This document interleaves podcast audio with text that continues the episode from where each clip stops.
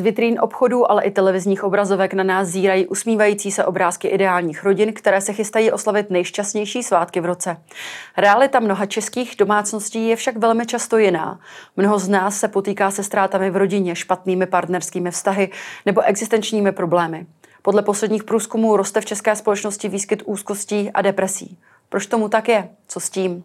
A jak zvládnou příští dny tak, aby byly alespoň trochu šťastné a veselé? Nen o tom budeme hovořit v dnešním epicentru. Já jsem Pavlína Horáková. Vítejte.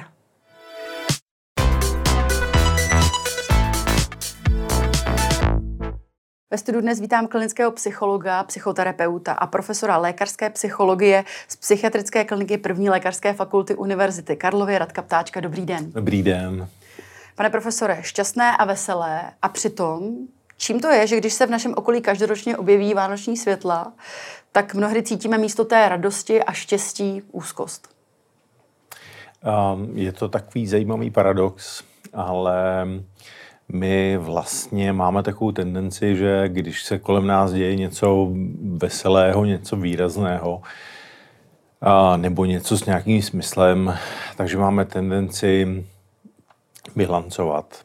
Vánoce jsou časem bilancování nejenom pro duševně nemocné, ale i pro ty, kteří třeba na to vůbec nemysleli a najednou si řeknou, je ten rok utek, co jsem vlastně za ten rok stihnul a přijdou třeba na to, že stihli polovinu, třetinu toho, co chtěli stihnout a to je může uvést do deprese.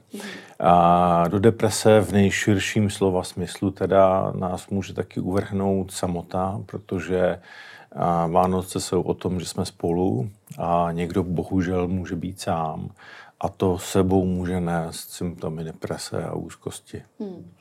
Jakou roli v tom všem může hrát um, nebo mohou hrát nerealistická očekávání, která jsou jenom více podporována různými těmi obrázky právě šťastných rodin, které na nás útočí opravdu ze všech stran? Tak všichni potřebujeme očekávat. Bez očekávání by nám ten život nedával jaksi smysl, takže každý si a, nebo většina z nás si dává více či méně vědomě a, nějaké cíle a je smutné, když ty cíle si dáme a ve smyslu toho obrázku z toho hezkého časopisu, že bude mít totálně naklizený byt, a usměvavého partnera, veselé, hodné děti, ono tomu tak pak není, tak eh, propadáme opět do eh, nějakých depresivních a úzkostných pocitů, takže ta očekávání, co bychom si měla, měli dávat a měli bychom si dávat očekávání nebo nějaké cíle, by vždycky měly být realistické. Mm-hmm. Lidé s příchodem země často popisují takzvané, řekněme, zimní blues nebo zimní smutek. Eh, co to způsobuje? Jedná se o takovou sezónní, řekněme, depresi? Co to způsobuje a co s tím? Tak eh, těch faktorů tady může být víc. A jeden z takových faktorů, proč se během zimy a začátku jara propadáme do depresivních symptomů, někdy dokonce i poruch, může být eh, nedostatek světla, protože světlo působí, když to zjednoduším, na neurofyziologické mechanismy, které nám prostě zlepšují náladu. Takže je dokonce sezónní afektivní porucha, sezónní depresivní porucha. Jejíž léčba spočívá v tom, že ten člověk třeba stane o něco, o něco časněji a vystaví se intenzivnímu bílému světlu. A, a tohle samotné může podpořit tu lepší náladu a může to skutečně tu poruchu vyléčit. A ty Vánoce jsou kombinované, není to pouze o nedostatku světla, je to právě a o těch bilancích a ty bilance provádíme nejenom, co jsme dosáhli, co jsme nedosáhli, ale provádíme i třeba ve vztazích, že najednou je nám líto, že partner se k nám nechová hezky, neprožívá to, jak, jak bychom si přáli z dětí, které měli radost v očích, když viděli stromeček, jsou najednou pubertáci, který si říkají, Ježíš Vánoce, hlavně mě tady, dej, dej mi, co chceš, a, nebo dej mi, co chci a, a hlavně ty Vánoce nějak přežijí. Takže těch faktorů tady je celá řada. Hmm.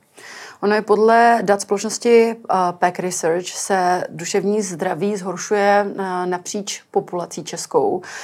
Um, ta konkrétní data hovoří o tom, že kdy, jestliže ty symptomy deprese či úzkosti vykazovalo třeba 6% populace před epidemií, během epidemie to bylo 9 až 10%, tak teď už je to 13 až 14% lidí, nebo dospělých respondentů, řekněme. A ten největší nárůst sledujeme právě u lidí, kteří jsou z domácností pod hranicí chudoby. Tam dokonce se hovoří o depresivních nějakých stavech u 20 až 25 to už je čtvrtina populace. A to je uh, velmi náročné. Mě by zajímalo, co byste, protože eh, ta energetická krize a to zdražování a vše, co, se, co prožíváme, protože připomeňme si, že dva roky jsme řešili epidemii, pandemii koronaviru, vy jste tady s námi byl ve studiu, řešili jsme úzkosti, které eh, způsobovala právě ta pandemie. Ty tady sedíme rok poté a máme za sebou, ani ne ještě za sebou, stále prožíváme válku na Ukrajině a její dopady, které jsou velmi konkrétní i na naše společnost. Tak co byste poradil lidem, kteří um, mají třeba existenciální problémy, jak vlastně z psychologického hlediska co pro sebe mohou udělat, aby to zvládli co nejlépe? Tady je každá rada drahá. Já myslím, že to trošku sama říkáte, že jsou věci, které prostě neovlivním a které ovlivní moji náladu. Jestliže jsem příjmově někde pod hranicí a toho, co potřebuju a prostě nemám na to, abych koupil dětem nové, děti, nové boty a nemám na to, abych eh, zajistil dětem hezké Vánoce, tak prostě upadnu do depresivní nálady, eh, ať chci nebo nechci.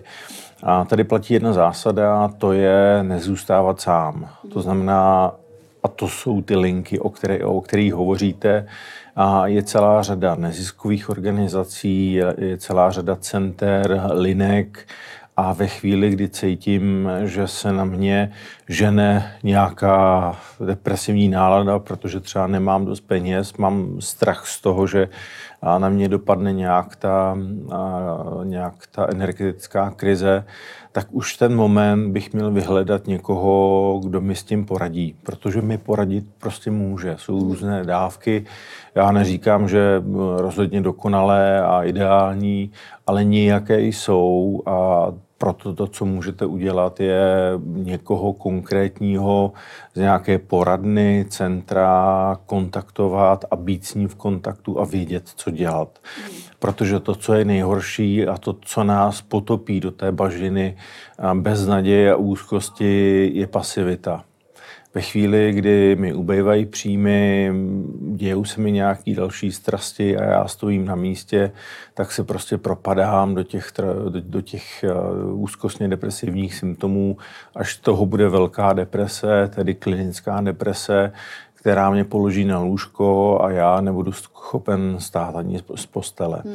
Takže tady velký, uh, velké doporučení a pro diváky a posluchače, jakmile máte pocit, jenom vrcholek pocitu, že může nastat situace, kterou nezvládnete, běžte a poraďte se. Mm-hmm právě na těch linkách eh, podpory hlásí až čtyřnásobný nárůst vlastně volajících. Nejčastěji jsou to seniori a samoživitelky. Pokud eh, jste senior a možná vám není Není vám pro vás automatické zvednout telefon a po telefonu řešit svoje problémy. Jste z generace, která přece je silná a zvládne to. Přece jenom po, připomeňme, že historie psychologické pomoci a poradenství v České republice, až teď mi přijde, že ta nová generace vlastně se k tomu staví trošičku více proaktivně, tak přece jenom pro ně je těžké asi zavolat. Tak mohl byste poradit nějaké metody, které může každý člověk aplikovat doma? Je to snažit se, napadá mě, snažit se si zacvičit, i když zase u těch seniorů to může být komplikované, nebo nějaká pravidelnost nějakých činností, nebo co by to mohlo být? Ono je to trošku těžké, protože když upadáte do deprese, upadáte do neaktivity. Ta deprese je skutečně trošku jako bažina.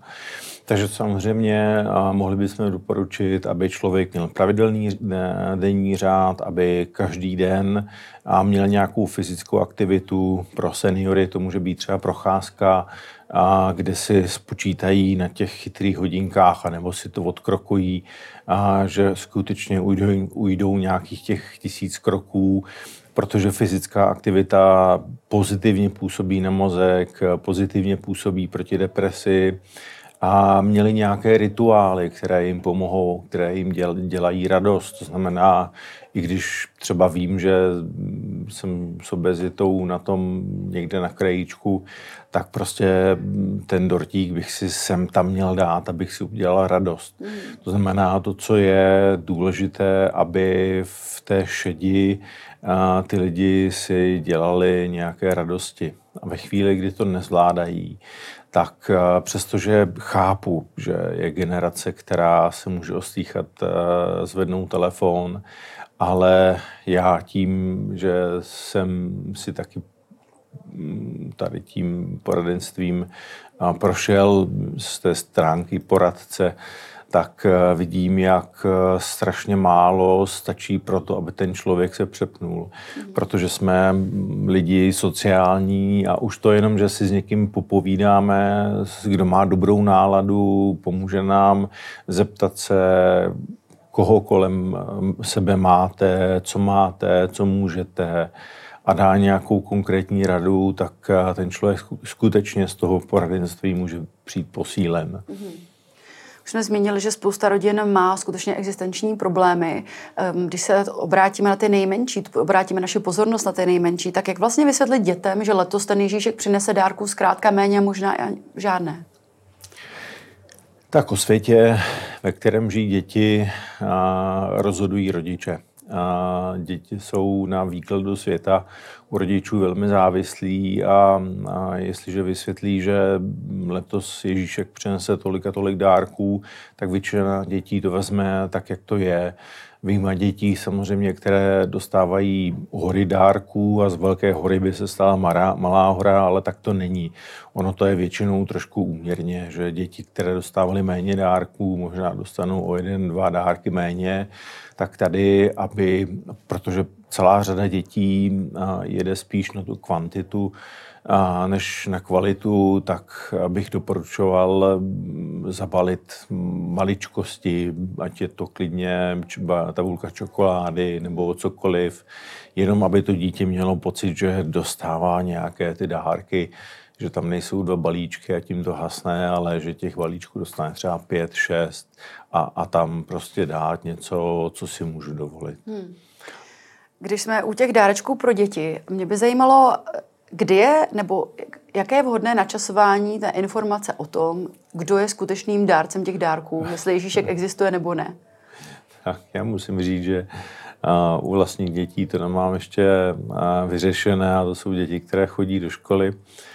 Já si myslím, že žádný rodič si s tím nemusí dělat hlavu, protože dítě na to svými prostředky přijde samo. Mm. To znamená, jsou rodiče, kteří chtějí být upřímní, děti to vědí od narození, jsou rodiče, a kteří si, si řeknou, tak třeba v deseti letech už je hranice a jsou rodiče, kteří si řeknou, tak eh, nechám to nějak spontánně. A když mu tyhle ty děti, tak uh, oni můžou žít v takové zvláštní um, jakoby kouzelné nejistotě, že si říkají, no a asi něco nosí rodiče, ale jak je možné, aby jako přinesli tohle? To přece jako nejde. A já si myslím, že si děti mají dětství užít a proto a bych nedělal, že si jednoho dne vezmu děti na pohovku a řeknu, hele, tak dárky nosíme my, mhm. teď jsme vám jako bouchli velký tajemství, ale tohle je prostě mystérium, které, ke kterému ty děti musí dojít sami a mnoho lidí říká, ty děti budou zklamaní a tak dále. Neviděl jsem zklamané dítě. Je to spíš dítě takové, které má takový ten aha moment, kdy si řekne, aha, tak oni to jsou rodiče, mm. ale ten Ježíšek jim do toho stejně dobře zapadne. Takže nebojte se, nechte to na těch dětech, ať si na to přijdou sami a to bude úplně to nejlepší. Mm. A ještě, eh, abychom se nebavili tady jenom o, nem, o depresích a úzkostných vztahech, tak vztazích, eh, stavech, pardon, tak eh, mě zajímá ještě, jaký je dopad českých tradic na ty děti, protože když v zahraničí vyprávím svým kamarádům některé naše tradice, že nevím o stresu z dětství před čertem, který mě může dát do pytla a odnést do pekla, nebo i to, že si koupíme živou rybu, kterou pojmenujeme, posléze ji zabijeme a sníme, tak ty se nestačí divit a vlastně mi tvrdíš vždycky, že to musím ne- zanechat nějaký dopad na psychice uh, našich dětí. Já to na sobě nepozoruji, ale zajímá mě právě váš odborný pohled. Tak já si myslím, že uh, jednak ta naše generace a, a generace mladší už často tímto děti nestraší. Mm. Takže podle mých informací často přichází Mikuláš s andělem, který nemá čerta. A je to dobře? Uh, že je to zotužování těch dětí, anebo je to právě něco, co může způsobit jakýsi potom stres nebo trauma, řekněme? A zotužování dětí je, když je pravidelné, přiměřené a, a k, vede k něčemu.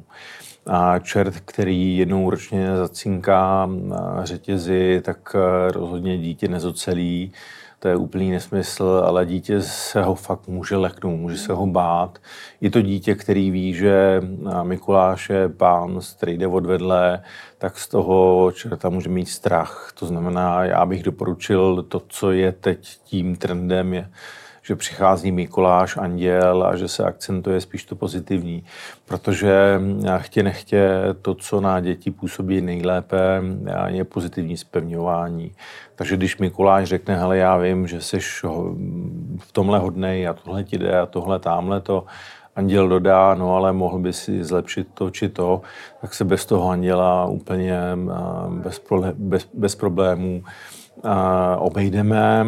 Co se týče kaprů, no, tak je to český zvyk, na který, na který se jezdí a dívat zahraniční turisté. A zase já znám plno, plno rodin, já znám většinu rodin, které už to nedělají. Hmm. Že prostě tam ty děti nevodí, že si dají přes Vánoce buď jako koupené filety nebo, nebo nějakou jinou rybu. A je to pět věc, která může a nemusí na děti zanechat trauma. V zásadě, když se to provede mm, nějakým způsobem technicky správně, tak eh, si to dítě nemusí uvědomit. Horší je to, když ten kapr je ve vaně dva, tři dny, to dítě k tomu kaprovi přilne a pak to může mít nepříjemný zážitek, ale hmm. považujeme se nebo pohybujeme se na úrovni zážitků, nikoli v nějakých traumat, které by ty děti ovlivnily do konce života. Hmm. Vánoce jsou také uh, časem střetávání se právě s blízkými. Často naštívíme příbuzné, které jsme dlouho neviděli, ale pak ta realita těch střetnutí nemusí odpovídat našim představám. Připomeňme, že právě minulý rok uh, bylo velmi časté, že se lidé u vánoční tabule hádali právě o tom, zda roušky ano nebo ne uh, a podobně. Teď těch témat je hned několik od konfliktu na Ukrajině až po, až po zdražování, energetickou krizi nebo nadcházející prezidentské volby. Co byste doporučili, jak k takovému konfliktu konfliktu předejít? Aha, no to je poměrně jednoduchý. Aha, když vím, že má ten druhý jiný názor a chci prožít hezké Vánoce, tak si dopředu dáme témata, o kterých se nebudeme bavit. Mm. Prostě jestli prezidentské volby nebo válka na Ukrajině jsou tématem, a, které v nás jednoznačně rozmíchá a nějaké hádky, a tak si řeknu stop, ne, nebudu o tom mluvit a budu mluvit, budeme mluvit třeba jenom o tom, co bylo hezkého v dětství nebo co nás hezkého čeká, ale tady to musí být úplně zcela vědomý úkon, že si řekneme, o tom se nebavíme. Mm-hmm. A teď je otázka, kolik takových rodin je, a je, je takhle schopných. Takže a, večerní nebo štědrovečerní večeře velmi často končí tím, že se všichni rozhádají a, a pak eh, dárky se dávají v nedobré náladě, ale já si myslím, že to lze, a, že to lze překonat. Prostě řekneme si, co ne, co jo, a pak to může být krásné úplně pro všechny. Mm-hmm. Jaký je vůbec dopad třeba takové návštěvy u těch seniorů, kteří standardně celý život, tady celý rok, pardon, žijí samoceně, řekněme, tak když, byste, když by někdo váhal, zda navštívit babičku nebo dědečka, tak asi byste to jako psycholog jednoznačně doporučil? Určitě. A má to tady nějaký konkrétní dopad jakoby na toho člověka i dlouhodobý, nebo toho ho to rozradostní jenom v ten moment a a je to těžký, když celý rok jste sám a pouze na Vánoce za vámi někdo přijde, tak eh, vás to jistě na chvíli mm, jako rozveselí, ale může to také vést ještě k hlubším pocitům deprese a úzkosti, že ty lidi si vlastně řeknou, a oni si na mě, nes, nebejt Vánoce, tak si na mě nespomenou. Hmm. Takže a, samozřejmě nejlepší je, když mám někde seniora, který je sám, tak uh, mít alespoň nějaký plán náštěv a naštěvovat ho pravidelně, nejenom o Vánocích. Mm-hmm. Poslední době se stále častěji hovoří o panických atakách, s tou se tady během svého života setká každý čtvrtý dospělý. Na první pohled se jedná o pár minut nějaké úzkosti, ale vlastně ta situace je mnohem komplikovanější. Ti lidé hovoří často o, o strachu, o svůj život, o pocitu, že mají infarkt. Co se vlastně při panické atace v našem těle děje? A naše tělo vyhodnotí, respektive některé hluboké části mozku, a, že jsme v extrémním nebezpečí. A, a ty části mozku, které a vlastně jsou zodpovědné za to vyhodnotit situaci jako stresovou, umí tři věci. A, útočit, utéct nebo zamrznout. A u té panické ataky je to tak, jako když se vám zasekne Windows. Mhm. Prostě je to nějaká situace, která z hlediska intenzity anebo novosti a je naprosto nečekaná. A mozek ji vyhodnotí jako, a, jako nebezpečnou, ale nemá pro ní řešení.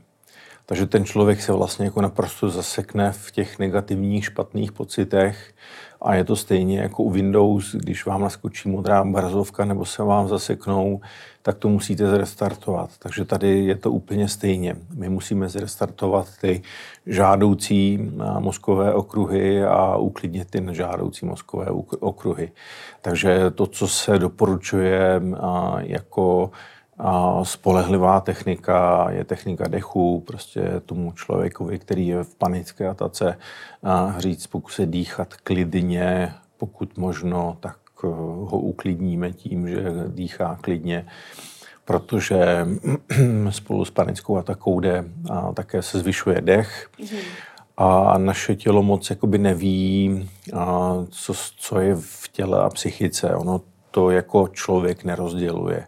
Takže když začnete dýchat klidně, tak eh, tělo si najednou řekne, aha, a on dýchá klidně a to úplně s tou nebezpečnou situací nehrozí. Mm-hmm. Takže to je taková jako nejlepší laická pomoc člověkovi, který je v panické atace, posadit ho někam, dát přes něj deku a říkej, hele, ří, eh, říkat, hele, dýchej klidně, klidně, klidně a ten člověk se z toho tak říkajíc vydýchá. Může třeba papírový pytlík, nebo to je spíš taková... Pomůže papírový pytlík, používá se to, nebudeme si tady vysvětlovat ty mechanismy, je to o poměrech kyslíku dusíku v, ve vzduchu, který vdechujeme, takže pytlík ano, už je to taková starší metoda spíše. A dneska ty lidi prostě se snažíme instruovat, dýchej klidně. A přestože ta panická taka může vypadat hrozně, tak e, během několika minut většinou odezní, protože ten organismus ani ani nemá energii ve chvíli, kdyby ta panická ataka byla skutečně extrémní, co se může stát, tak a, a trvá třeba déle než několik minut, tak se musí volat záchranka, mm. protože v tu chvíli nevíme, jestli je to jenom panická ataka nebo jestli se děje něco jiného. Mm. Víme o tom, co je vlastně nejčastěji tím spouštěčem? A je tam no. vůbec vždycky nějaký spouštěč reálný? Ne, a to, to bohužel nevíme. Spouštěčem může být v podstatě cokoliv, protože spouštěč je v hlubokém, v hluboké části mozku, kterou, kterou moc neovládáme. Mm-hmm. Takže ta hluboká část si všimne něčeho, co vyhodnotí jako extrémně ohrožující a tu ataku rozjede, aniž bychom si to uvědomili, aniž bychom si to e, přáli nebo pro to něco udělali.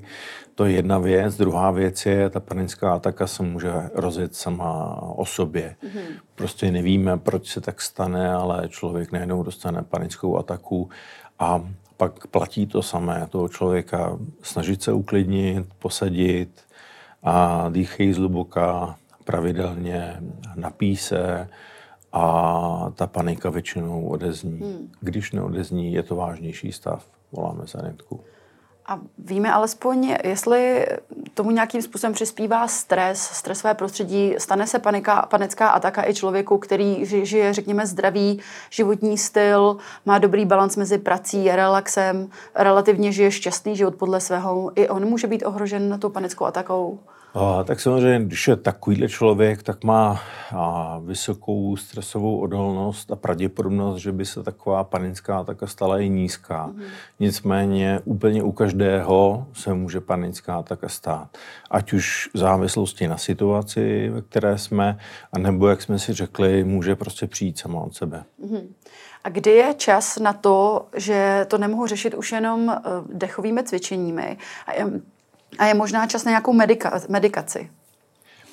A když se to opakuje častěji, a diagnostická kritéria říkají, že by to mělo trvat alespoň 14 dní. Mm-hmm. U té panické ataky je to trošku jinak, protože ono se to nemusí dít 14 dní, ale jedna ataka se může dít za 14 dní.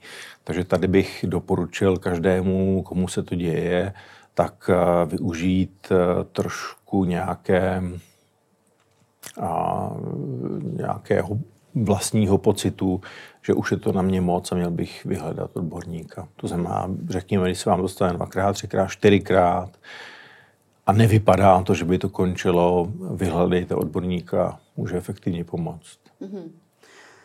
Já se přiznám, že jsem o panických atakách vlastně ještě před několika lety vůbec neslyšela. Je to něco, co se teď opravdu děje ve společnosti častěji, nebo je o tom jenom více mluvíme? A, tak na to konkrétně nemám data, abych hmm. vám řekl, jestli se to děje častěji. A rozhodně jev, o kterém mluvíme, se děje častěji. Takže třeba na začátku 19. století se o panických atacích mluvilo poměrně hodně a proto, abyste byla správná dáma, byste měla sem tam nějakou panickou ataku dostat nebo minimálně omdlít. Jinak jste nebyla dostatečně vznešená. To už samozřejmě nemáme.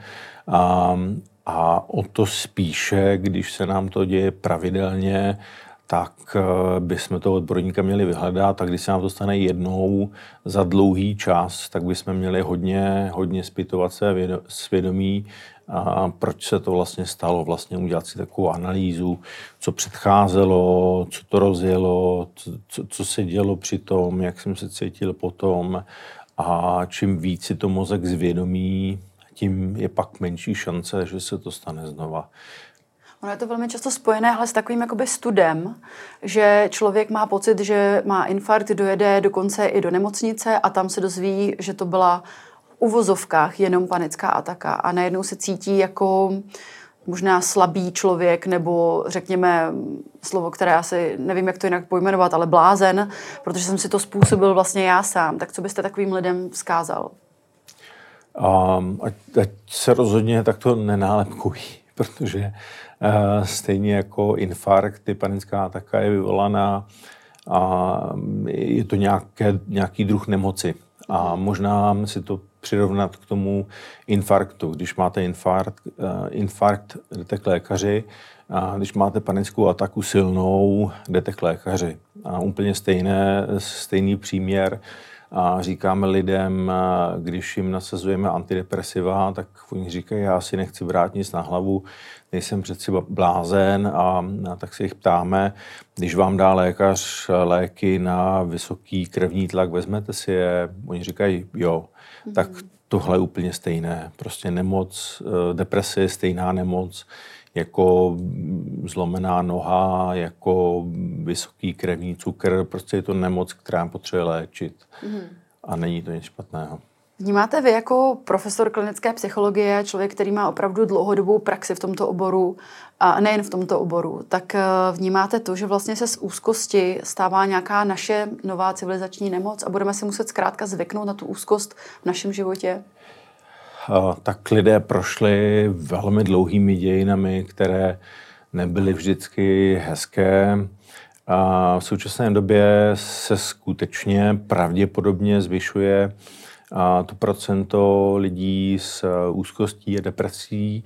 A je to proto, že se děje tolik věcí, které nás prostě uvádějí do té úzkosti deprese, ať to je od covidu přes ceny benzínu, ceny všeho, inflaci, válku na Ukrajině, takže to spektrum, které v nás může rozjet ty úzkostné pocity, je velké, no nicméně my máme taky jednu takovou špatnou věc, že do posud jsme se měli příliš dobře.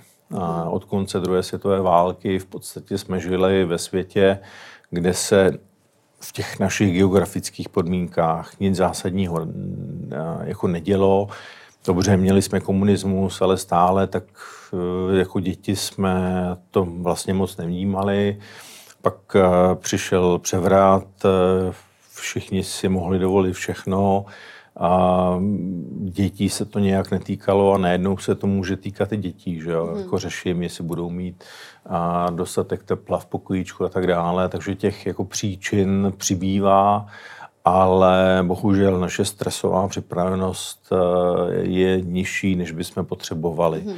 Takže kdyby se každou chvíli něco dělo, tak možná jsme na to připravenější, než kdyby se nic nedělo. A taky samozřejmě eh, záleží na tom, jak člověk na sobě pracuje. Jestliže na sobě pracujete, což může být třeba jako sport, meditace, relaxace, a tak na ty situace budete připravena lépe, než když se o sebe prostě nestaráte. Hmm.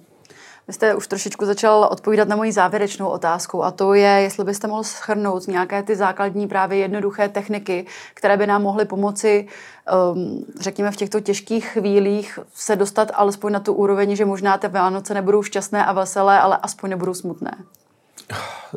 Nemohla jste zvolit jednodušší otázku. A to první, co je nutné, my si musíme najít eh, něco, co nás eh, učiní, učiní šťastnými.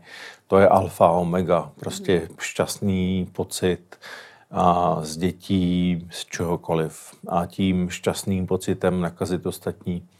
A takovým druhým bodem je vděčnost. A často pozapomínaná vlastnost nebo proces eh, prostě probudit se a uvědomit si, za co všechno jste vděčná.